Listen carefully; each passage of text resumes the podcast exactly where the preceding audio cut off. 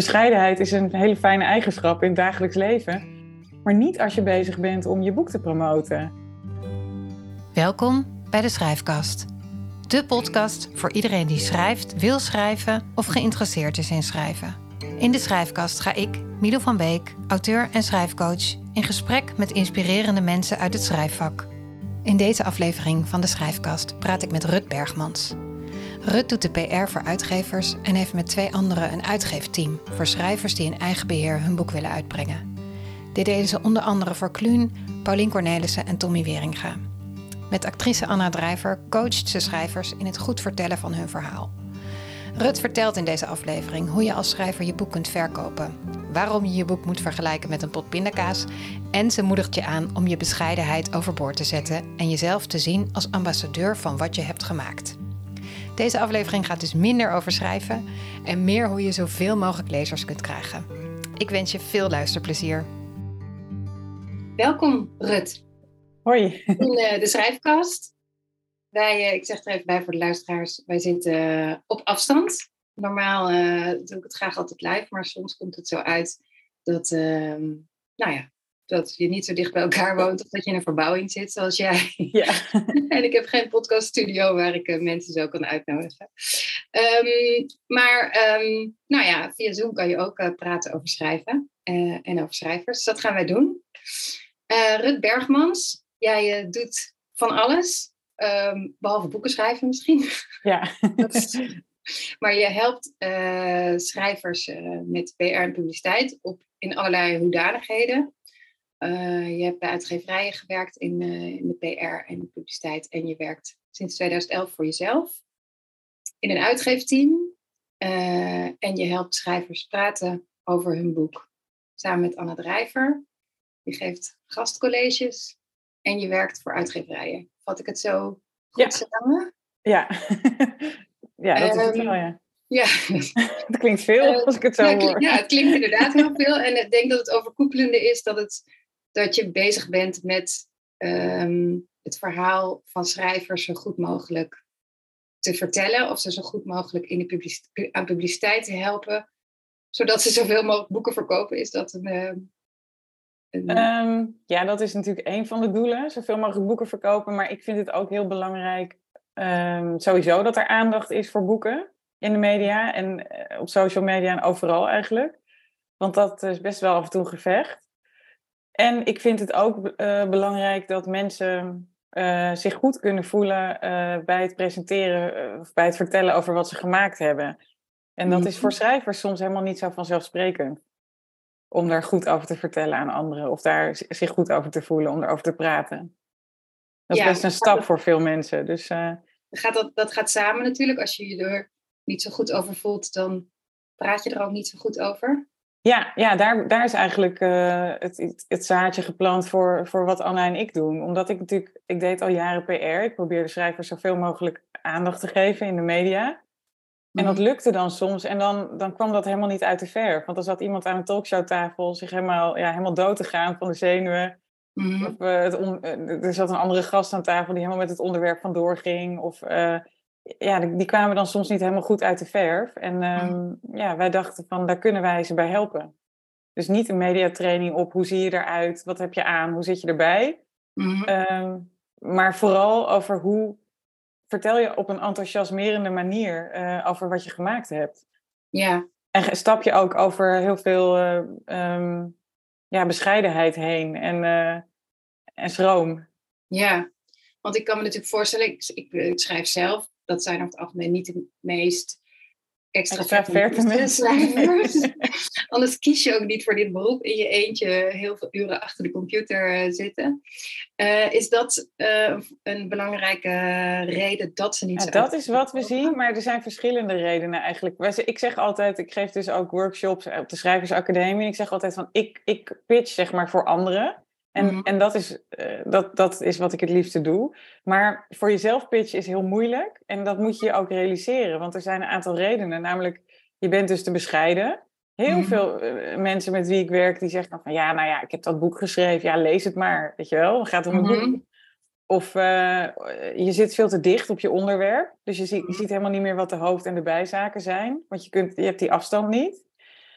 En je bent natuurlijk alle, heel kwetsbaar, want alles raakt je persoonlijk, alles komt heel dichtbij. En als, je, als je dat niet goed realiseert van tevoren, dan is het ook heel moeilijk om um, die stap naar achter te zetten. En op een mhm. andere manier te kunnen kijken naar wat je gemaakt hebt. Zodat je er ook op een andere manier over kan vertellen. Mm Mensen kunt overtuigen om het uit te geven of om het uh, te kopen. Dus die, die afstand is nodig om uh, er zo over te kunnen vertellen dat je anderen enthousiasmeert. Ja, ja, ik doe wel eens een oefening met mensen van uh, kijk, maak maar eens een SWOT-analyse over je boek. Van wat zijn de, de kansen, waar liggen de valkuilen, wat is het gevaar? Um, kijk naar als een pot pindakaas in de supermarkt. Welke potten staan ernaast? Op welke hoogte in het schap sta je? Uh, weet je, als je zo kan, kan, kijken naar, als ondernemer naar wat je gemaakt hebt, dan zie je ook plotseling weer, um, nou, überhaupt waarom je eraan begonnen bent. Um, waarom het belangrijk is dat het er is. En, en waarom en op welke manier je eigenlijk andere mensen kunt bereiken. Mm met jouw uh, boodschap. En ik zeg ook altijd van um, bescheidenheid is een hele fijne eigenschap in het dagelijks leven, maar niet als je bezig bent om je boek te promoten. Mm En het is ook helemaal geen ego-ding, want het gaat om jouw werk. Het gaat niet om jezelf, het gaat om wat je hebt gemaakt. En daar ben jij de ambassadeur van. Dus daar moet je heel goed voor zorgen. En moet je, je moet het dus, want ook met die pot pindakaas moet je het dan een beetje zien als een product. Op dat moment wel, natuurlijk niet uh, de hele tijd. Het is, het, is een, het is een onderdeel van een heel proces waarin je uh, de afstand kunt, kunt nemen om ja, op een andere manier te kijken naar je werk. Zodat je er ook in staat bent om, uh, ja, om daarover te, te, vertellen. Ja. ja, dus jij zegt... Het werkt wel. het werkt wel, als in? Nou, dat, dat heel vaak mensen uh, dan pas zeg maar, het kwartje valt van... oh, maar wacht, ja, inderdaad, uh, uh, wat is er eigenlijk nog meer verschenen in het genre? En uh, hoe onderscheidt mijn, mijn werk zich daarin? En wat zijn nou de ja, belangrijke elementen om te benoemen in elk interview of op elke plek waar, waar ik kom, waar ik erover wil praten of moet vertellen? Of... Dit zou je natuurlijk, op, als je wel met een uitgever in zee gaat, daar komen we straks nog op, maar dan zijn dit natuurlijk ook al dingen die je van tevoren vaak bedenkt. Ja, idealiter wel, ja. Ja. Die je uitgever aan je, aan je vraagt als je gaat pitchen. Ja, maar ik weet niet of elke uitgever nou echt om, om zo'n soort pitch vraagt hoor. Dat, dat weet ik niet. Maar um, het is in ieder geval heel belangrijk om er zo over na te denken. Ik zeg ook altijd tegen mensen die schrijfopleidingen doen van, dat je, je wordt dan gevraagd om een synopsis aan te leveren door een uitgever, maar maak ook gewoon één A4 met een elevator pitch voor je boek. Mm -hmm. waarin, waarin een uitgever ook kan zien van, hé, hey, maar dit is iemand die niet alleen bezig is met het, het werk zelf, het schrijven, maar ook op een andere manier, staat ze op een andere manier te kijken naar wat hij gemaakt heeft. Dat is mhm. heel waardevol voor een uitgever ook. En elevator pitch is echt uh, drie minuten. Ja, dus op één A4 van wat zijn de belangrijkste um, elementen uit de inhoud van je werk, om het over te hebben. Wat, wat, is, wat zijn belangrijke aspecten aan jou als persoon, als schrijver, die in relatie tot het boek relevant zijn voor, voor bijvoorbeeld promotie? Mm en, mhm. en, en zijn er ook wellicht externe um, factoren die interessant zijn om te benoemen. Dus, dus linkjes met geschiedenis, met recente geschiedenis, met actualiteit, met um, ja, dus, dus de positionering van je boek, dat je daar ook goed over na hebt gedacht. En van jezelf als schrijver. Dat is ook belangrijk. Ja, nou vind ik dat, ja, ik vind het in, uh, op beeld en zo wel anders, maar uh, om daarover te schrijven op socials vind ik dat niet zo erg.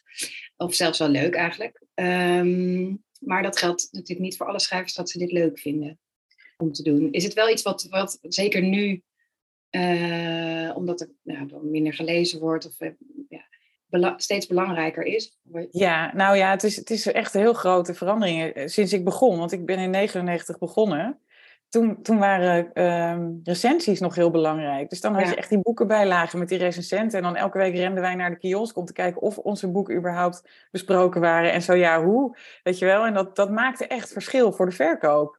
En dat is tegenwoordig niet meer zo. Het gaat veel meer, weet je, social media bestond toen helemaal niet en nu wel. En dus het gaat veel meer over wat, ja, wat vinden jou de gelijkgestemden op social media ervan? Of je buurvrouw of mensen die op bol een recensie achterlaten. Mm. Er is mhm. helemaal niet meer een soort autoriteit zoals vroeger die bepaalt voor iedereen wat goed is en wat slecht.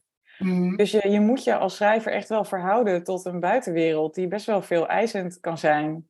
Ja. Alleen je kan dat natuurlijk wel doen op een manier die bij jou past. Ja. Er is niet een soort malletje voor. Dus je moet ontdekken wat past bij jou. Ja. Ik zeg ook altijd mensen zeggen, moet ik dan op social media? Nou, als, als, dat, als het zo voelt, dan moet je het zeker niet doen. Nee, Ja, nee en dan Maar moet je ik denk wel- en- Ja, dat het goed is. Kijk, je hebt iets gemaakt waarvan jij wil dat een, dat een, dat een groter publiek dan alleen je directe omgeving het gaat lezen. Dus ja, eh, die, die, die drive die je hebt, die moet je gebruiken. ja. Eh, want eh, als, je dat, als je dat niet wil, ja, dan moet je ook geen boek willen uitgeven. Of dan moet je het gewoon voor jezelf houden. Maar als jij wil dat het een groter publiek bereikt, dan moet, er, dan moet je denk, nadenken over de manier waarop jij als schrijver, dus een stukje van jezelf, een stukje van wie jij bent, Mhm. eh, ja, presenteert aan de buitenwereld. Of eh, ja, hoe je je daarin opstelt. ja, Je kunt niet Oh. meer eh, zeggen van mijn boek moet voor zichzelf spreken, zoals vroeger schrijvers wel Ja. deden. ja. Dat, dat, dat kan niet meer. Nee, behalve Jij als je bent de ambassadeur. Ja, behalve als je al een naam hebt natuurlijk. Dan, Dan nog niet. Nee, Oh. dan nog steeds niet. Wij hebben nu met Kluun een boek uitgegeven over pubers. Nou, Ja. daar heeft hij hartstikke hard aan moeten trekken en voor moeten werken en moeten uitleggen eh, waarom hij ehm, een boek heeft gemaakt over pubers. Want hij is geen wetenschapper en hij is geen eh, eh, expert. Hij is alleen een ervaringsdeskundige. Dus weet je, je hebt echt altijd wel iets uit te leggen ja, en iets te verklaren en iets. ik ga nu ook met Tommy Wieringa zijn nieuwe boek werken. Ja, dat is ook niet appeltje-eitje. hm, bedoel, hij zal heus interviews krijgen, maar je moet toch nadenken over wat de beste manier is en de beste media zijn en de beste outlets zijn voor dat verhaal. En wat Mhm. het verhaal dan is. ja. En is dit, ja, want bij, bij, eh, ik, ik denk dat niet elke schrijver hier al helemaal van op de hoogte is, maar ook niet elke uitgever. Nee, misschien niet. Nee, dat weet ik niet. Huren jou dan in? Nou ja, sommige uitgeverijen huren mij ook niet in, want die, die, zijn, die hebben gewoon heel erg het idee van wij hebben zelf mensen in huis en eh, het is belangrijk voor de band met onze schrijvers en ons huis dat dat gewoon co- continuïteit geeft. Dat, Mhm. sommige uitgevers denken zo en andere uitgevers denken ja, het is juist wel verfrissend en goed als iemand van buiten eh, ten eerste de werklast komt verlichten. Want ik bedoel, een, uitgever, een, grotere uitgever geeft gemiddeld 100 boeken per jaar uit. Die moeten allemaal gepromoot worden Ja. dan is het best fijn als er, als er eentje, een grotere titel waar veel voor moet gebeuren, er, eruit getrokken wordt en, en Ja. door iemand anders gedaan wordt. Dus, ehm, maar ik vind wel dat uitgevers zijn er wel steeds, zich steeds bewuster geworden hoor, van het belang van, ehm, van de promotie van hun boeken. Ja. En waar, waar ik bijvoorbeeld heel erg tegenaan liep, is dat ik dacht, wat moet je, waar moet je op inzetten? Want je hebt eh, social media, je hebt media, je hebt de boekhandels. Je kan bijvoorbeeld ook eh, naar scholen. eh, er zijn zoveel plekken waar je iets kan doen om je boek te promoten. Hoe weet je nou wat je... Want je kan niet alles doen. Nee, je kan niet alles doen. Eh, ik denk dat je heel erg moet, nou ja, weer moet kijken naar wat bij jou past. Want ik bedoel, ik kan me ook voorstellen dat niet iedereen zin heeft om scholen van Nederland af te gaan. Mhm. En dat is soms ook helemaal niet relevant voor het boek. Dus ehm, ja, ik, ik denk, ik weet niet, het, het- ik, ben, ik moet ook wel even een soort disclaimer geven, want ik word alleen ingehuurd voor grote projecten, hè, waar dus ook Ja. veel media mogelijkheden zijn en waar, Ja, waar ook in, ge- eh, in geïnvesteerd wordt. Uh, Mhm. Maar wat heel goed werkt altijd, is gewoon een soort, soort knallende campagne. Dat je in één weekend en de week daarna al die media-aandacht hebt. En dan, dan heb je een soort offensief. Dan wordt het boek uitgeleverd. En dat je daarna een beetje gaat uitbouwen. Ja, wat er nog bij past, wat er nog meer kan. ja. En, en ook reageren op wat er gebeurt. Ehm, natuurlijk. Het is ook niet allemaal van tevoren heel erg Mhm. Mhm. Maar zo'n groot persoffensief, dat, dat iemand overal is tegelijk, dat werkt wel natuurlijk heel goed. ja. Ja. En als je nou media-aandacht krijgt, ik vertel nog iets over mezelf hoor, maar wat ik bijvoorbeeld merkte, ik kreeg wel heel veel bladen, Mhm. eh, heel veel grote interviews. En ehm dan vertelde ik heel veel over mijn boek, maar dat heeft relatief weinig gedaan voor de verkoop. Terwijl wel, het was bijvoorbeeld ook libellen, nou dat zijn ehm, met grote oplages. En dat ik me later pas realiseerde, oh ja, maar ik heb eigenlijk al mijn halve boek verteld nu in dit interview. Dus ja, u hoeft niet per se meer naar de winkel te rennen om het te kopen. Wat ik denk dat schrijvers vaak ook last van is een beetje dat, dat je dus mensen wel een soort van teest voor je boek. Ehm, en Ja, de hele inhoud al weggeeft. Of vind jij dat niet zo'n... eh, nou, dat hangt er een beetje van af. Ehm, dat verschilt echt per boek, denk ik. Want, nou, zoals weer even bij Kluun, dat is mijn meest recente voor, eh, onderwerp, ehm, voorbeeld. die, dat boek over pubers, daar, daarin, daarin categoriseert hij zeg maar ouders in vier categorieën. Dus je kunt een uh, buideldierouder zijn, je kunt een neushoorn. En dat zijn, dat, daar zitten allemaal kenmerken aan. Je hebt ook verschillende pubers. En dat is eigenlijk een beetje de ruggengraat van het boek. En daaraan wordt heel veel informatie gehangen. Maar dat heeft hij eigenlijk in elk interview gedeeld. En dat heeft de verkoop niet belemmerd. Maar ik mhm. kan me wel voorstellen, eh, wat vaak gebeurt met, met iets hardere non-fictie, zeg maar. Ja. Dat mensen dan een opiniestuk krijgen in een dagblad of een groot stuk in Vrij Nederland. Of weet je wel, een beschouwend stuk. En dat, dat dan het gevaar wel is van, ehm, ja, misschien dat mensen denken, ik heb dit nu gelezen, ik hoef dat boek niet meer te kopen. Aan de andere kant, ik heb ook net een project gedaan voor de correspondent, waar ik heel mhm. veel van geleerd heb. Uh, van Lim Berger, dat heet, uh, het boekje heet ik, uh, ik werk al, krijg alleen niet voor betaald. Ja. En, en wat ze bij de correspondent doen, is gewoon alle content gratis weggeven de hele tijd. Omdat ze ervan overtuigd zijn um, dat dat de verkoop niet schaadt. En dat, dat, dat, dat leert ervaring daar ook. Dus zij zijn, helemaal, zij zijn een journalistiek platform en zij zijn helemaal niet bang om content weg te geven. Ja, ja. Dus ik weet ook niet of het een beetje een, een, een achterhaalde gedachte is. Um, want als iemand echt geïnteresseerd is in een onderwerp, dan wil die ook nog wel weten hoe, ja, hoe dat... Meer over weten. Ja, ja. Zijn er wel een soort universele regels, eerst even over media en daarna misschien over een pitch, zijn er wel een soort universele regels te, te, te, of tips wat je wel en niet moet doen als je bijvoorbeeld geïnterviewd wordt? Als je... Nou, je moet nooit zeggen, daar wil ik het niet over hebben. je moet nooit een, een gesprek afkappen. Ik heb dat wel in het verleden meegemaakt, weet je wel, als mensen dan... En, en ook wel, de irritatie is soms wel terecht. Wat je nooit moet doen is als je dichtklapt of irritatie voelt of, of denkt van, ehm, ja, dit, dit komt er dichtbij, zeg ik wil het er niet over hebben. En dat kan je ook heel goed trainen. Dus um, we zeggen ook altijd, een interview is geen gesprek. Het lijkt heel erg op een gesprek, zoals wij nu hebben. Ja. Maar het is het niet. Het is een soort transactie. Ja. Uitwisseling. Weet je, die interviewer heeft een belang en jij hebt een belang. En, uh, en wat die interviewer graag wil, is dat jij levert. En, en hoe je levert, dat, dat, dat kun je zelf heel erg bepalen. Dus je hoeft helemaal niet antwoord te geven op een vraag, maar je moet wel iets zeggen dat, dat enthousiasmerend is en zinvol, zinnig is. En, uh, um, dus, dus, dus nee zeggen, um, dat, dat vind ik echt, ik wil niet. Ik wil dat is echt een no-go in een interview. Mm um, en, en wat goed is, is om, nou ja, wat wij oefenen met mensen, is om heel erg te denken in uh, brokjes informatie die relevant zijn voor je boek, voor je verhaal, die interessant zijn, waar mensen op, op gaan aanhaken, waar mensen van denken, oh, dat, dat boeit me. En die in mm. laadjes in je hoofd te stoppen. En als je dan een vraag hebt, kun je dan een laadje opentrekken en, en dat antwoord geven. Oh, maar hoe hou je die, dat is waarschijnlijk ook een acteurstrucje, want uh, hoe hou je als je een wat verstrooid brein hebt, weet je nou, dan wat laadjes Oefenen, oefenen. En we, we oefenen ook heel erg dat vragen in, uh, in honderd verschijningsvormen kunnen komen. En ook op heel veel verschillende tonen. En, en, en, uh, maar eigenlijk dat de boodschap uh, hetzelfde is. Dus dat het antwoord ook hetzelfde kan zijn. Hm. En dat mensen ook niet bang hoeven te zijn om steeds hetzelfde te antwoord te geven. Want niemand gaat al die media uh, tot zich nemen. Ja. Maar misschien wel twee of drie keer. En dan is het juist goed, want dan heb je herkenning. Ja, en eigenlijk kun je dus, want dat zal ook gelden voor zo'n pitch, naar wat je in het begin al zei, de afstand die je moet nemen tot je werk. Als je natuurlijk nu, ik ben ook, nu ook weer een boek aan het afronden, nou, die laatste fase is echt gekmakend. Uh, omdat je gewoon niet meer weet, of nou ja, je gaat overal twijfelen. Uh, en dan, dan, kun je, dan misschien over een tijdje kan ik er wel weer goed afstand van nemen. Maar nog steeds is het lastig om daar dan um, de goede dingen uit te halen. Hoe kun je dat nou hoe kun je die afstand nemen? Of moet je dan iemand anders even vragen van lees het en vertel mij. Dat is een goede tip om het met iemand anders erover te hebben. Uh, heel even wegleggen helpt ook wel. En dan terugkeren erbij. En dan kijken, dan op een andere manier gaan proberen te lezen als een lezer, niet als een schrijver. Ja.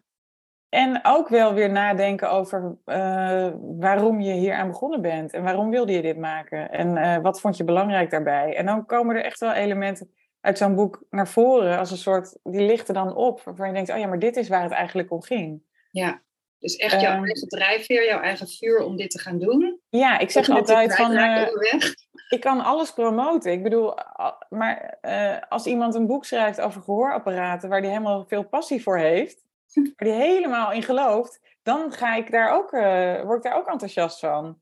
Ik heb met Bobby Eden een, boek over haken gemaakt. Ik heb nog nooit gehaakt in mijn leven. Maar zij, zij heeft daar heel veel passie voor, weet je wel? dan, dan is het leuk. Dan wordt het interessant. Ja. Dus als je echt een, uh, als er vuur in jezelf brandt daarvoor, Ja. dan, kun je het verkopen. En als je ergens jarenlang aan werkt, dan heb je, daar, heb je dat vuur. Want anders Ja. ga je dat niet volhouden. Ja. En dat moet je alleen weer even terugvinden. Inderdaad, als je er zo lang in hebt gezeten, dan. Ja, dan- en dus praten met iemand zoals ik. Bijvoorbeeld, weet je wel, ik, ik, ben natuurlijk, ik lees iets helemaal met die focus van hoe gaan Ja. we dit eh, eh, goed vertellen en wat is Ja. hier belang, eh, belangwekkend aan en wat is interessant. ja. En, en, en wij maken het ook altijd heel beeldend. Dat is ook belangrijk. Je kunt natuurlijk heel abstract blijven praten over wat je gemaakt hebt. Mhm. Maar dan, dan heb je minder, vind je minder, meer, minder weerklank. Dus als jij het heel beeldend kunt vertellen, met voorbeelden, met anekdotes, met ja, dat, het, dat het gaat leven voor de. Zonder dat je dan heel langdradig wordt, want dat lijkt me ook een val. Ja, het moet ook kort. Maar goed, Ja. als je precies weet welke voorbeelden bij welke onderwerpen je, je hebt bedacht, dan kun je die gewoon eh, moeiteloos uit zo'n laadje trekken, natuurlijk. Ja, dus dan kom je weer bij die laadjes en Ja. is vervolgens die opzoeken en dan dat veel, veel oefenen, denk ik, tenminste voor iemand zoals ik, als je hoofd wat chaotisch en Ja. als je goed werkt. Ik heb nog wel eens zoals mijn kinderen altijd zeggen, maak je zin nou eens af. Ja. Dan halverwege een zin weer. In, Nou, en ook wel een les is gewoon stoppen met praten op een gegeven moment Ja. in een interview. Want iemand stelt jou een vraag en jij geeft antwoord. En ja, heel veel mensen hebben ook heel erg de neiging om te willen pleasen. Dus die gaan dan Ja. maar door. Ja, Eh, maar dat is helemaal niet nodig. Dus op een gegeven moment stop je gewoon na een zin en dan wacht je en dan krijg je weer een nieuwe vraag. ja, ja. Oké, dus passie, afstand, eh, laadjes. En, jij, en dan kan ik me ook nog En voorstellen. beeldend, maak het En beeldend. beeldend en concreet. Ja. Ja. En dan kan ik me ook nog voorstellen, eh, als je heel veel passie hebt, en dat, het, dat dat toch, even kritisch, niet altijd betekent dat andere mensen dit ook super interessant vinden. Nee, maar daar moet je wel van uitgaan als je erover praat. Oh ja, En iemand die het niet wil horen, die zept wel weg. weg. Maar meer van, als je het hebt over die pindakaas, nog even in het begin. Dus Ja. wat- dan heb je nu inderdaad eh, tegenwoordig denk ik wel 25 soorten pindakaas in de Ah winkel. ja, je moet wel weten voor wie je het Ja, maakt. dus je doelgroep. Ja, Ja. dat is ook heel belangrijk. Ja, Wordt daar genoeg over nagedacht? nou door mij wel. Ja. Nou ja, maar weet je wat, soms ben je ook daar weer verrast door. Want eh, wij hebben een boek ge- uitgegeven met Maaike Meijer over de overgang. eh Mhm. Wen er maar aan. Ja. En wij dachten, ehm, nou dat is een super grappig boek. Dit gaat sowieso wel een publiek vinden. Ja. Maar het gaat over een vrouw in de overgang. Dus ja, die Ja. doelgroep, die, die, daar zit wel een grens aan, dachten wij. ja. En, Tot ineens Fred van Leer, eh, ik weet niet of je weet wie dat is, ja. op vakantie dat boek las en helemaal lyrisch daarover was. En in zijn stories op Instagram losging over alle grappen uit het boek. En plotseling we weer, eh, weet ik veel, 20.000, 30.000 exemplaren verkochten. En een hele nieuwe Ja. doelgroep bereikten.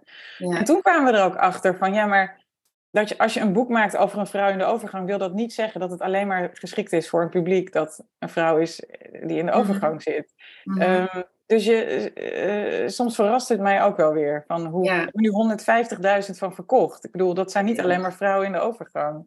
Nee.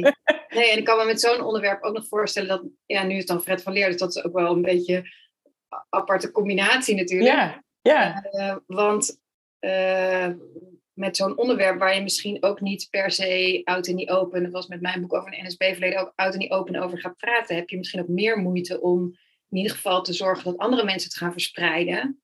eh, op nou, dat viel op zich wel mee eigenlijk. Want de schaamteloosheid van Maaike, die werkte heel aanstekelijk. Ja, We zaten bij Op 1 eh, met Astrid Joost en Paul de Leeuw. En toen ging Astrid Joost ineens een heel schunnig fragment uit dat boek voorlezen. In Ja. haar nette mantelpakje met haar stem. ja. En dat ging toen viral.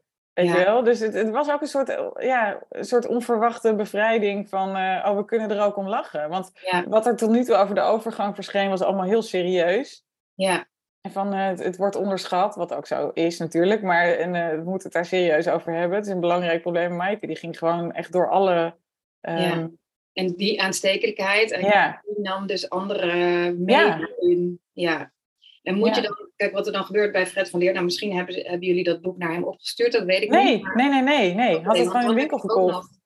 We hebben daarna wel contact met hem gezocht. En toen werden we voor de NS Publieksprijs genomineerd. Dus dat was weer een soort uh, ja, heel fijn uh, voorval, waardoor we weer heel veel boeken verkochten. Maar toen heb ik wel contact met hem gezocht van kunnen we een leuk filmpje maken met Mike. En toen hebben we dat ook gedaan. Ja. Dus hij heeft echt al zijn uh, hulp verleend. Ik ben echt hem eeuwig dankbaar. Maar hij zei ook van ja, weet je, in de homo-community is dit ook gewoon een hit. Nou ja, wie had dat van tevoren verwacht? Ja, ja, ik niet. Oh ja, nee. Dus wat dat betreft is doelgroep denken ook... Uh... Ja, je moet, je, ja, je moet altijd openstaan. Weet je, je, je moet altijd een soort al je sensoren zeg maar openstellen ja. voor alles wat er kan gebeuren. Dat is nou zo leuk. Dan heb je dus ook nog een factor toeval en geluk. Zeker. Want anders zouden er alleen maar bestsellers verschijnen. Ja, ja want jij, ja, als, ja, Nee, dat is ook zeker. Er zijn heel veel knoppen waar je aan kan draaien en uh, dingen die, die je kan, uh, waar je over na kan denken. Maar er is ook een hele grote factor uh, dat alle kwartjes net de goede kant op ja, vallen. Zeg iemand maar. het ergens oppakt, dat. ja. Dat, ja. ja. dat hebben we bij het diner van Herman Koch ook meegemaakt destijds. Want hij verkocht, hè, hij schreef heel veel romans en die verkochten redelijk, maar nooit zoals dit. En toen. Um, ja, ik weet nog wel, toen verscheen het. En uh, wij hebben toen de pitch heel erg gefocust op dat morele dilemma. Want het gaat over, nou, ik weet niet of ik dat uit moet leggen, maar het gaat over twee ouderparen met zoons die iets doen wat crimineel is, wat echt niet kan. En het ene paar zegt, we moeten naar de politie. En het andere paar heeft daar twijfels bij, omdat dan hun leven voor altijd verwoest zou worden. Nou, dat dilemma, wat zou jij doen? Dat hebben we, daar wel, heb ik mij ook heel erg gefocust op gefocust in PR en marketing. En um, ja, toen de week nadat het verscheen, gebeurde er iets in Nederland met twee jongens die in Weesp alle, alle alarmdiensten hadden laten opdraven voor niks. Mm ja, hop, toen zat hij weer aan elke talkshowtafel, weet je wel. Ja, dat zijn ook dingen waar je gewoon geluk mee... Ja, geluk ja. in dit geval... En moet je dan zelf ook uh, dan daar natuurlijk actief vervolgens ja. doen, Dat is dan wel slim om te doen. ja. Um, nou, je had het net al even over de auteurs die je begeleidt, uh, die in eigen beheer uitgeven. Mike Meijer, Paulien Cornelissen, Kluun, um, Tommy Weringa. Dat zijn mensen die ook waarschijnlijk bij een uitgeverij heel goed terecht hadden gekund als ze hadden gewild. Of zelfs zaten, zitten. de uitgeverij zaten. Tommy heeft één boek met ons gemaakt. Hè. Zijn nieuwe roman die gaat gewoon bij de bezige bij verschijnen. Dus we hadden gewoon een uitstapje met hem. Ja, ja. gewoon dat hij dat eens wilde proberen. Ja, omdat hij het wilde proberen, omdat hij het leuk vond. En uh, ja, omdat hij het Maarten beloofd had, een van ons drieën. hij zat in een rugby-team met Maarten. ja, want uh, uh, we gaan niet de hele uit verder een podcast maken over eigen beheer. Dat komt misschien een andere keer nog wel eens. Maar het is waarschijnlijk niet voor niks dat jullie alleen met bekenden nou, we hebben het één keer, we hebben eigenlijk begon met Pauline Cornelissen, die ons benaderd heeft. Van ik wil weg bij mijn uitgeverij, ik wil het zelf gaan doen, maar ik kan niet alles zelf. Dus uh, ik heb mensen nodig die me helpen met de dingen die ik niet kan. Mm Zij heeft ons eigenlijk bij elkaar gebracht. Zij is onze mhm. founding mother, zo noemen we haar Ja, want jullie zijn met z'n drieën, hè? Iemand ja, we zijn met z'n drieën. Ja, eentje doet sales, eentje doet redactie en projectcoördinatie en ik doe PR marketing. En uh, toen, dat zo, toen hebben we de verwarde cavia gemaakt. Wat echt uh, ook een onverwachte... Het gaat over een cavia op een kantoor. Maar we hebben er wel honderdduizend van, maar meer volgens mij. En toen kwamen er andere mensen naar ons toe die zeiden wij willen dat ook. En toen hebben we eigenlijk dat model ontwikkeld waar we nu in werken. Waarin, dus een soort omgekeerd royalty model. Ja. Dus de schrijver is ook de uitgever. Die krijgt alle inkomsten, doet ook de financiële investering. Wij investeren onze tijd. Mm en um, toen het eerste project wat we zijn gaan doen was met Rick Pastoor. En niemand kende Rick Pastoor. Nee. Hij werkte bij Blendel. Uh, achter de schermen. Hij was de baas achter de schermen en Alexander Klupping voor de schermen. Dus niemand wist wie hij was. En hij kwam bij ons via, volgens mij, Ernst-Jan Fout. En hij wilde een boek maken over slim werken. Mhm. En wij dachten, wij hebben nu hè, de kans om dit uit te testen, ons model. Kijken hoe dat werkt. We geloofden in zijn idee. We hebben hem ook heel realistisch voorgerekend van uh, ja, wat de consequenties zouden zijn. En we hoopten er 10.000 te kunnen verkopen. Dat, dat, dat durfde niet eens hardop uit te spreken.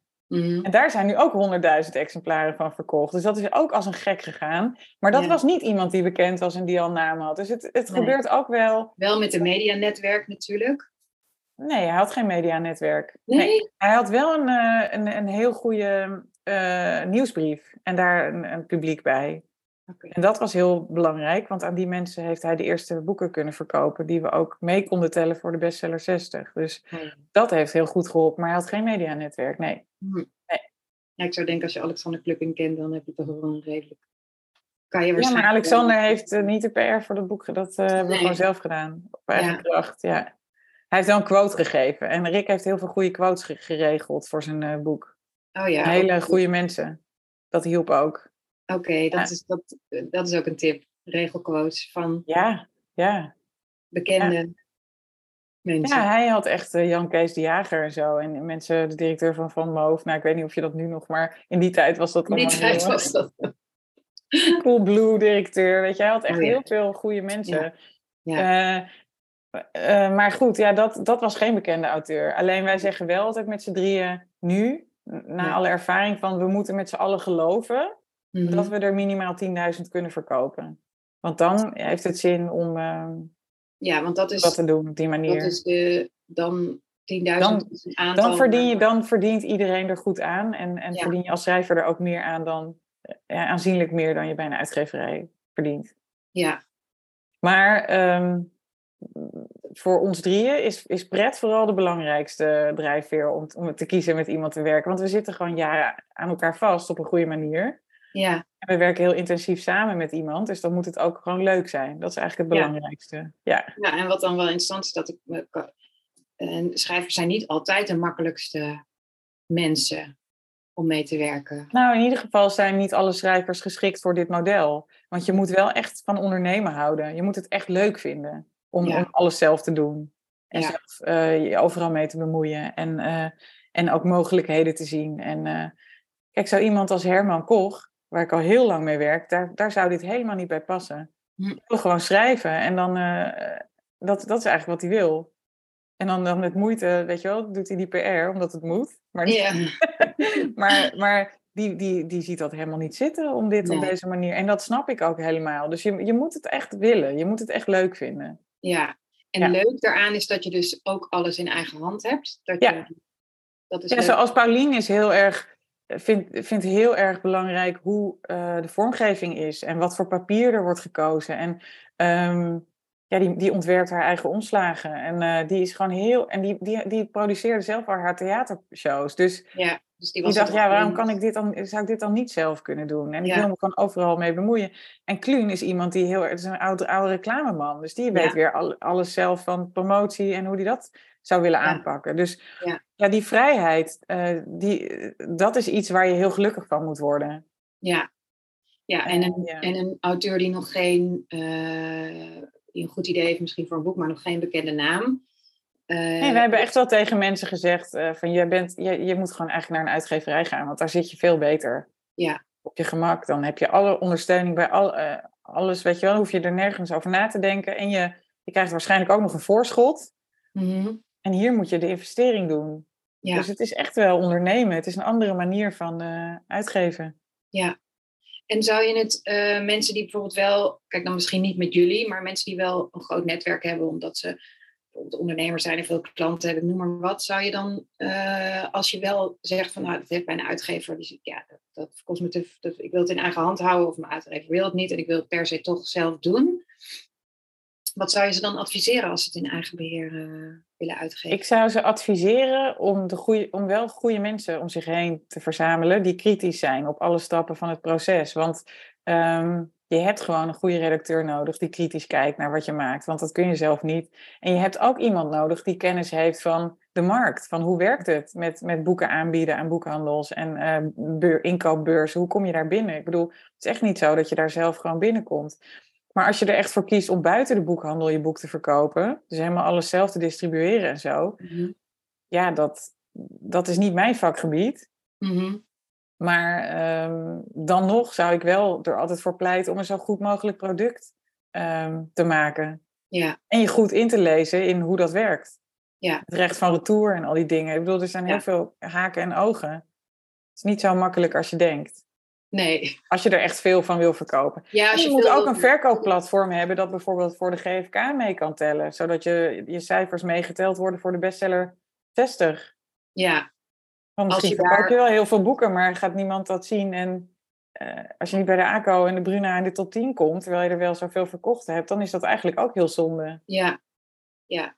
Maar er zijn natuurlijk ook mensen die een boek uitgeven, maar die niet per se de ambitie hebben om in die bestseller 60 te komen. Ja, nou dat, dat, ik denk altijd laat duizend bloemen bloeien. Ik bedoel, iedereen moet doen wat hij wil doen. En ook op, ja, eh, eh, als je die ambitie niet hebt, dan, dan heb je ook die druk niet. Dus dan kun je het gewoon op je eigen manier doen. Ja, en dan kun je, is het natuurlijk nog steeds leuk als je er veel van verkoopt. Maar dan is het wel lastiger om een interview in de Volkskrant te krijgen, of op televisie te komen, of uh, ja, mee te doen met die, met die bestsellerlijst. Of, ja. ja, Dan, dan, doe je, dan doe je echt iets heel anders. Ja. En dat is even mooi en goed, maar niet wat ik doe. Nee, nee. En wordt het in die zin nog wel onderschat, denk je, ook uh, door mensen? Of... Nou, dat hangt van de verwachting af, denk ik. Ja. Um, kijk, er zijn zoveel mensen die hebben een familieverhaal of die vinden, die vinden het belangrijk dat hun, uh, hun kinderen weten wat er met hun voorouders gebeurd is. Of Weet je, of die hebben, zijn, die hebben een ervaring gehad met ziekte of zo en die willen dat opschrijven. Dat is super belangrijk, weet je wel. Dat, daar, dat is voor je kleine kring ook heel mooi om te hebben. Ja. Maar uh, ja, je, als je echt grotere ambitie hebt, dan moet je ook denken over universele ja. waarden van, van wat, wat je, je maakt. verhaal universeel maakt. Ja, wat het uitdeelt boven het particuliere. Ja. ja. En dat is niet zo makkelijk. Nee. Nee, terwijl heel veel dingen die natuurlijk uh, bijvoorbeeld emoties zijn in principe universeel. Dus, en die zitten natuurlijk in heel veel, uh, in heel veel boeken zit, zit dat wel. Um, maar soms blijft het te beperkt tot iemands eigen leven, bedoel je? Ja, dat denk ik, ja. Ja, ja. en ik denk ook, nou ja, ja. En, en echt goed schrijven, dat is ook een vak. Ja, dat, dat is, niet. Dat is niet. Uh, dat, dat is gewoon echt, uh, daar, daar moet je vlieguren voor maken, daar moet je feedback voor krijgen, daar moet je talent voor hebben. Ja. Wat nemen jullie als je in je werk bijvoorbeeld met Anna Drijver, wijzen jullie dan ook, uh, uh, krijg je dan ook, neem ik aan, aanvragen van schrijvers die zeggen, kun je me helpen, kun je me helpen? Doen jullie dan ook, wijzen jullie ook projecten af of werken jullie met iedereen? Nou, wij zeggen altijd van, het, het heeft pas zin om ons in te huren en te betalen als je ook echt zicht hebt op uh, grotere interviews en outlets voor waar je moet gaan spreken over je boek. Want het gaat, bij wat wij doen is heel erg echt coachen op ja, PR en uh, optreden. Ja. Dus het is zonde als je dat niet in het verschiet hebt om dan ons in te huren. Ja, en dan help je ze niet, niet eh, per se met het maken van alleen een pitch of zo. Dat, dat, nee, dat doen, we, dat doen wij niet. Nee. Wij, wij, doen puur dat. Ja. ja. En ik duw die PR. Kijk, ik heb het gewoon heel druk met die zelfuitgevers. Ja. En uh, ik, heb, ik heb gewoon de luxe dat ik uh, leuke projecten kan kiezen. Ja. En, uh, en mijn netwerk zit heel erg in de massamedia. En ook wel de verwachting van, van mijn netwerk is dat het dan ook wel een groter project is. Een boek waar, ja, ja, ja waar, waar veel potentie in zit qua verkoop. Ja. ja. Dus ik, ik zit gewoon op een andere speelveld eigenlijk, ja. een beetje. Ja. Maar de potentie is voor jou dus de, de passie die iemand er, erin stopt. Dus dat kan ook haken zijn. Ja. De overgang. Of iets wat Pauline Cornelissen doet weer. Dus dat kan zijn. Dat zit niet in een onderwerp. Dat niet per se. Niet per se. Nee. Misschien ook een beetje of iemand al wat naam heeft. Kan me dat dat echt wel uitmaakt. Als iemand al regelmatig op televisie is, dan maakt dat wel uit, lijkt me, in de potentie van een boek. Ja, dat, dat zou gek zijn om dat te ontkennen. Ja. ja. Maar, als iemand 100.000 volgers heeft op uh, Insta, dat maakt ook misschien. Ja, maar ik ben dus bijvoorbeeld niet zo uh, enthousiast over boeken van influencers in het algemeen. Hm. Ik, bedoel, ik wil er helemaal niks generaliserends over zeggen, want er zijn natuurlijk wel hele interessante boeken. Waarschijnlijk van influencers. Maar die hele vibe van mensen die dan groot zijn op social media en ook een boek maken, dat mm denk ik ook van prima. Mm Maar dat is niet voor mij. Ik ben heel erg. Ja, ik heb literatuurwetenschap gestudeerd. Uh, dat wil niet zeggen dat ik. Ik bedoel, ik, ik haal nog veel meer plezier uit bijvoorbeeld een haakboek van Bobby Eden. Want dat is een fantastisch mens. Maar ik vind het altijd wel belangrijk. Ik pitch vanuit de inhoud. Ja. Over het algemeen. Dus en die moet gewoon goed zijn. zijn. Ja, dat vind ik wel. Ja. Er moet een zorgvuldig geredigeerd goed uh, product zijn. Ja. Met een, met een hele goede gedachte erachter. Ja. Ja. En, want je had het net al even over je studie. Je geeft ook af en toe gastcolleges. Ja. Waar, wat, wat leer je studenten? Wat, uh... Nou, dat zijn uh, studenten die doen een master redacteur-editor aan de UvA. En die uh, krijgen dan gastcolleges van mensen uit het vak. Mhm. Um, en ehm, wat ik vertel gaat altijd over free publicity. Dus over hoe bereik je ehm, ja, via, zonder geld uit te geven een, een groot yeah. En uh, dat is altijd heel interessant, want die studenten die zitten helemaal op het redactiespoor. Dus die gaan helemaal, die willen natuurlijk bij een uitgeverij-redactie gaan doen of uitgever mm. worden uiteindelijk. En die, die hebben vaak ook een soort blinde vlek voor de promotionele kant ervan. En dat mm. begint natuurlijk al bij acquireren. Ik bedoel, je moet wel goed nadenken over wat je acquireert. En, en dan al nadenken over voor wie uh, wordt dit boek, hoe ga ik dat positioneren en, en hoe ga ik het aan de man brengen. Mm -hmm. Dat is altijd heel leuk. Uh, ja, ik ga daar ook altijd, ik moet dan altijd een case ook uh, presenteren. Dan moeten zij een opdracht doen. Dan neem ik mm. altijd mijn meest commerciële projecten mee. want daar schrikken ze van. Ja, want dat zijn ze, dat ze, in die, ze zitten in een heel andere bubbel. Ja. En het is ook leuk, ik leer ook heel veel van hen. Uh, bijvoorbeeld dat zij allemaal nooit televisie meer kijken. Dat is ja. gewoon dood voor die ja. generatie. Is dat ja. echt totaal onbelangrijk. Ja, ja het is um, uh, YouTube en social media. Of, uh, ja, of net, ja. Netflix. Ja, en TikTok. En uh, ja. Ja, dus dan zie je ook weer, oké, okay, voor de toekomst is dat echt wel um, iets waar je heel erg op in. Uh, ja, denk ik wel. Ja. Ja. ja, en ik, ik moet ook vaak gewoon je moet ook altijd goed weten wat je niet kan. En ik ben gewoon te oud voor al die social media dingen. ik zit inderdaad wel op TikTok, maar ik snap er niks van. En ik doe er ook niks mee. En dus als wij, weet je, maar het is wel belangrijk. Dus, uh, ja. dus dat doen wij ook als uitgeefteam. Als er dingen nodig zijn die wij zelf niet kunnen, dan kijken we ook met iemand naar van, ja, hoe kunnen we iemand vinden die 20 jaar jonger is en dat allemaal heel goed uh, beheerst. Ja. Die, ja, nog even die free publicity. Als je dat uh, die studenten leert, wat, uh, wat, wat vertel je ze dan? hebben wij natuurlijk ook al een beetje behandeld, maar zijn er nog dingen die je nog niet hebt verteld? Nou ja, ik vertel ze ook altijd over wat mijn vak, dat het ook heel veel puzzelen is. Dus dat je een soort exclusiviteitsdansje altijd moet doen. Uh, met media. Want je kan wel een grote naam hebben, maar die mag niet overal zomaar tegelijk. Dus ene ja. tv-programma ja. mag niet bij het andere. Dus welke ga je kiezen? Welk, welk maandblad ga je kiezen? Wat concurreert met wat? Dat is altijd een enorme puzzel die ik moet leggen. Ja. Ik leer ze ook altijd van... Um, als je goede PR doet, dan moet je ook zelf nadenken over bijvoorbeeld een, een item op televisie al. Weet je, vroeger bij de Wereldrijd Door probeerde ik altijd ook heel erg mee te denken van... Oké, okay, ik heb nu een schrijver, maar wat zijn de haakjes? Haakjes is ja. trouwens het lievelingswoord uit haakjes, mijn vak. Ja. Haakjes, overal haakjes. Ja. En, uh, en dan echt nadenken van welke gast zou je daarnaast kunnen zetten. En een haakje is even voor de mensen die dat niet weten, dat je het ergens aan op kan hangen. Ja. Dat je een reden hebt om ja. dit een haakje om, om een verhaal op te Dus dan ging ik ook altijd nadenken over, uh, ja, wie kunnen we daarnaast zetten aan tafel? Wat is een uh, interessant uitgangspunt? Een persbericht is niet het overtypen van je flaptekst. Nee nou ja, dat zie ik toch wel eens af en toe nog gebeuren bij uitgeverijen. Mm -hmm. uh, ja, dus een en een persbericht is wel het unieke. Nou, ik, ik vind ja. dat je ook niet scheutig moet zijn met persberichten. Dat je alleen maar een persbericht moet maken als je echt iets te melden hebt. Ja, ja, ja. Omdat en het dan op een hele goede worden. manier moet doen. En verder benader ik mensen eigenlijk altijd persoonlijk. Ja. En ook echt met een persoonlijke pitch. Want hoe ik iets pitch aan Margriet is anders dan hoe ik het aan Volkskrant Magazine ja. pitch.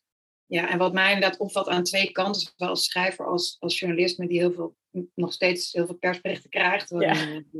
Niet van mij. nee, nee, nooit van jou inderdaad. Uh, maar dat het, dat, dat, het, uh, dat het een soort schot hagel is. Ja, ja. En dat is wel nog vaak de werkwijze, merk ik. Dat ze gewoon... Maar dat, dat is ook weer logisch als je weet dat je 100 boeken per jaar te promoten hebt. Dat zijn 100 unieke producten. Ja. Ja. Ga er maar aan staan. Ik bedoel, ik ben dolblij dat ik, dat ik er, weet ik veel, drie of vier per seizoen heb. Ja. En, maar ik dat, heb makkelijk praten, hè? dat weet ik ook. Ik, ik praat vanuit een luxe positie. Maar dat is natuurlijk een moeilijk veld, want uh, eigenlijk zouden we misschien minder boeken moeten uitbrengen. Ik vind het ook heel erg zelf dat je zo snel backlist bent als boek. Ja, dan denk ik, hoezo heb je jaren aan gewerkt? Dat is toch met muziek bijvoorbeeld ook niet. Dat is een oude, oude ja, ik bedoel, natuurlijk zijn er nieuwe liedjes, maar oude liedjes worden toch ook nog steeds gebruikt. Ja. Maar, maar het is wel heel erg de waan van de dag in de media ja. ook. Hè? Want je bent alleen uh, actueel op het moment dat je verschijnt. Ja. Daarna is, is, is, is, de, is de urgentie voor een, me, een journalist of een medium weg om jou onder de ja. aandacht te brengen. Ja. Of je moet dan weer, er, er moet iets gebeuren, zoals zo'n prijsnominatie of wat dan ook, zodat je weer actueel wordt. Ja. Maar het is ook de realiteit, dat je echt rond verschijnen moet het gebeuren. Ja. In die PR.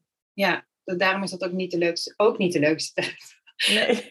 Omdat dat natuurlijk heel stressvol is, want als het niet gebeurt, ja, dan. eh, en er zit natuurlijk een bepaalde afhankelijkheid in. Dus Ja. ergens ben je natuurlijk nog steeds al- afhankelijk van je genre, maar hoop je op een recensie en dat kun je niet sturen in principe. Nee, je kunt er wel voor zorgen dat mensen het krijgen. Je kunt er ook Ja. over praten met mensen. Van, nou, ik denk dat dit echt belangrijk is als je, dat je hier naar goed naar kijkt. Maar dat Ja. moet je ook selectief doen. Mijn netwerk is mij heilig. Ik bedoel, ik, eh, eh, ik kan voor opdrachtgevers, ik, ik doe alles, maar ik ga wel, het moet wel met beleid. Dus als een uitgever zou zeggen, wat niet vaak gebeurt hoor, maar van ik wil dat je nu dat, eh, dat en dat medium benadert. En ik denk, ja, maar dat past helemaal niet. Of dat voelt niet logisch. Ja, dan, dan, ik moet heel erg bewaken dat ik, dat ik serieus omga met mijn netwerk.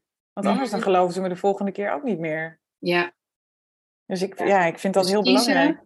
ja precies. Dus je kiest heel erg eh, nauwkeurig. En in die zin kun je dus ook maar een paar projecten doen. En wat er natuurlijk vaak gebeurt, is dat schot hagel omdat in de hoop. En, Ja, en omdat je dus zoveel boeken hebt. Dus eigenlijk denk ik wel, je zou veel minder boeken moeten uitgeven met veel meer aandacht. Alleen dat zal financieel waarschijnlijk niet haalbaar zijn. Om dat te doen, bijvoorbeeld. Omdat je ik weet eigenlijk nog steeds niet zo goed wa- waarom uitgevers dat niet doen. Maar ik denk, ja. Ik, het werkt voor mij veel beter, laat ik het Ja. zo zeggen. Om echt minder titels te doen. Want ik, ja, ik, ik kan me ook nog wel herinneren op die PR-afdeling. Dat je dan eh, bij augustus hadden we alleen maar Nederlandse schrijvers. Mhm. Alleen maar Nederlandse schrijvers. Nou, dat is heel intensief. Ja. En eh, je wil ook al die boeken lezen. Intensiever dan wanneer je vertaald het boeken doet. Omdat je Ja, want niet al die schrijvers, daar heb je helemaal geen contact mee natuurlijk. Ja. Die komen niet allemaal naar Nederland. ehm, Nee, dat is heel ander verhaal. Het is ook wel moeilijker om PR voor te regelen, Ja, ja, maar het is ook wel rustiger, ja. Ja. met al die. Nederlandse schrijvers die hebben, willen allemaal aandacht hebben. Nou, en terecht, ik bedoel, ik snap dat helemaal, maar het is wel intensief. En ook, ehm, ja, ik, ik wil alles wat ik promoot gelezen hebben. Misschien wel drie keer. ja. eh, Zodat je precies weet waar, het, waar je het waar ik het over heb.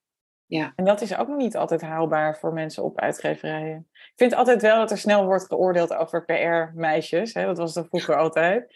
Van nou, eh, het is allemaal oppervlakkig en Het is wel zo dat er bijna geen mannen zijn, hè? Nou, het worden er wel steeds meer, geloof ik. Maar ik vind dat ook niet helemaal eerlijk als je ziet wat voor een werkdruk daar ligt. Bedoel, Mhm. eh, al die boeken. Ja. Ja, iets minder boeken dus, zou ik zeggen. Maar... Ja. Ehm, ehm, wa- wat, eh, ehm, ja, zou je zelf wel eens een boek willen schrijven? Nou, tot nu toe heb ik die ambitie helemaal niet. Eh, ik ben we zijn, Anna en ik zijn wel eens een keer benaderd van kunnen jullie niet een boek maken over wat jullie doen? Ja, En toen hadden we niet direct het gevoel van ja, dat moeten we meteen gaan doen. Maar misschien is het ooit wel. ehm, Het komt ook wel omdat ik. Ik vind het persoonlijke heel belangrijk. Dus ik vind het heel belangrijk om heel erg te kijken naar per geval, per persoon, van, per boek, wat, het- wat het nodig heeft. En dan, ja. er dan zo'n soort mal overheen te gooien, dat voelt Ja. niet helemaal goed. Ehm, en ik heb nu nog redelijk kleine kinderen, dus ik zat ook in een fase dat ik daar helemaal dacht van wanneer zou dat dan moeten? ja, ja. En ik heb ook helemaal niet het idee dat ik nou zo'n goede schrijver ben. Maar ik vind het, ik, ik weet niet, ik ben nou op mijn vijftiende begonnen met werken in boekwinkels. Mhm. En toen wist ik al van, ik ben een soort zendeling, weet je wel. Ik wil gewoon het woord verspreiden. ik wil Ja, boeken. want wat is dat nog even? Want Je zei het inderdaad in het begin al. Even dat wat, is het, wat is de magie van boeken voor jou?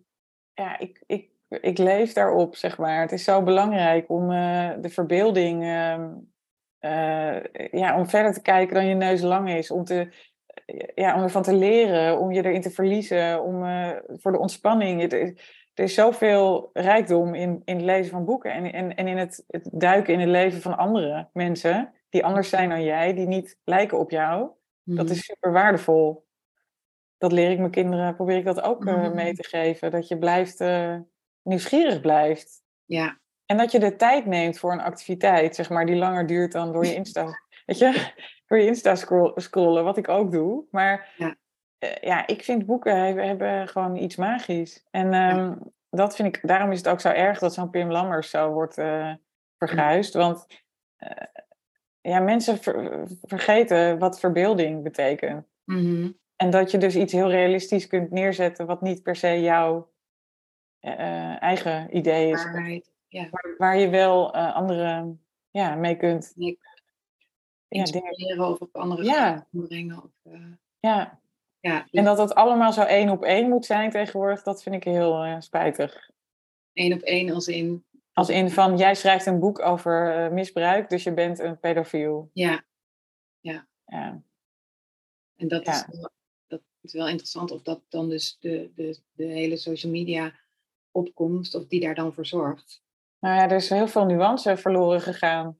Toch, met social media. snel en Ja, ja, er gaat heel veel nuance verloren en er gaat ook heel veel eh, onderzoek naar wat werkelijkheid is verloren. Want ja, ik bedoel, het is totaal niet gebaseerd op enige wetenschappelijke vaak eh, achtergrond. Het is gewoon Mhm. mensen roepen dingen en dat wordt dan, als je maar hard genoeg roept of, genoeg mensen jou volgen, dan, ja, dan, dan ben je ineens een autoriteit. ja. Ik denk best, ook op dat, want als je, dat- ja, als je dat weer naar schrijvers toetrekt, is dat denk ik ook die haat-liefde verhouding eh, met social media. Dat je natuurlijk met zoiets anders bezig bent als je schrijft. Ja, Eh, Ja. Dat je misschien denkt van ja, ik voel zoveel weerstand om in die wereld te storten.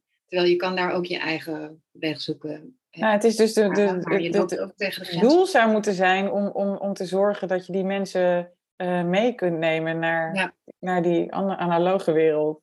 Ja.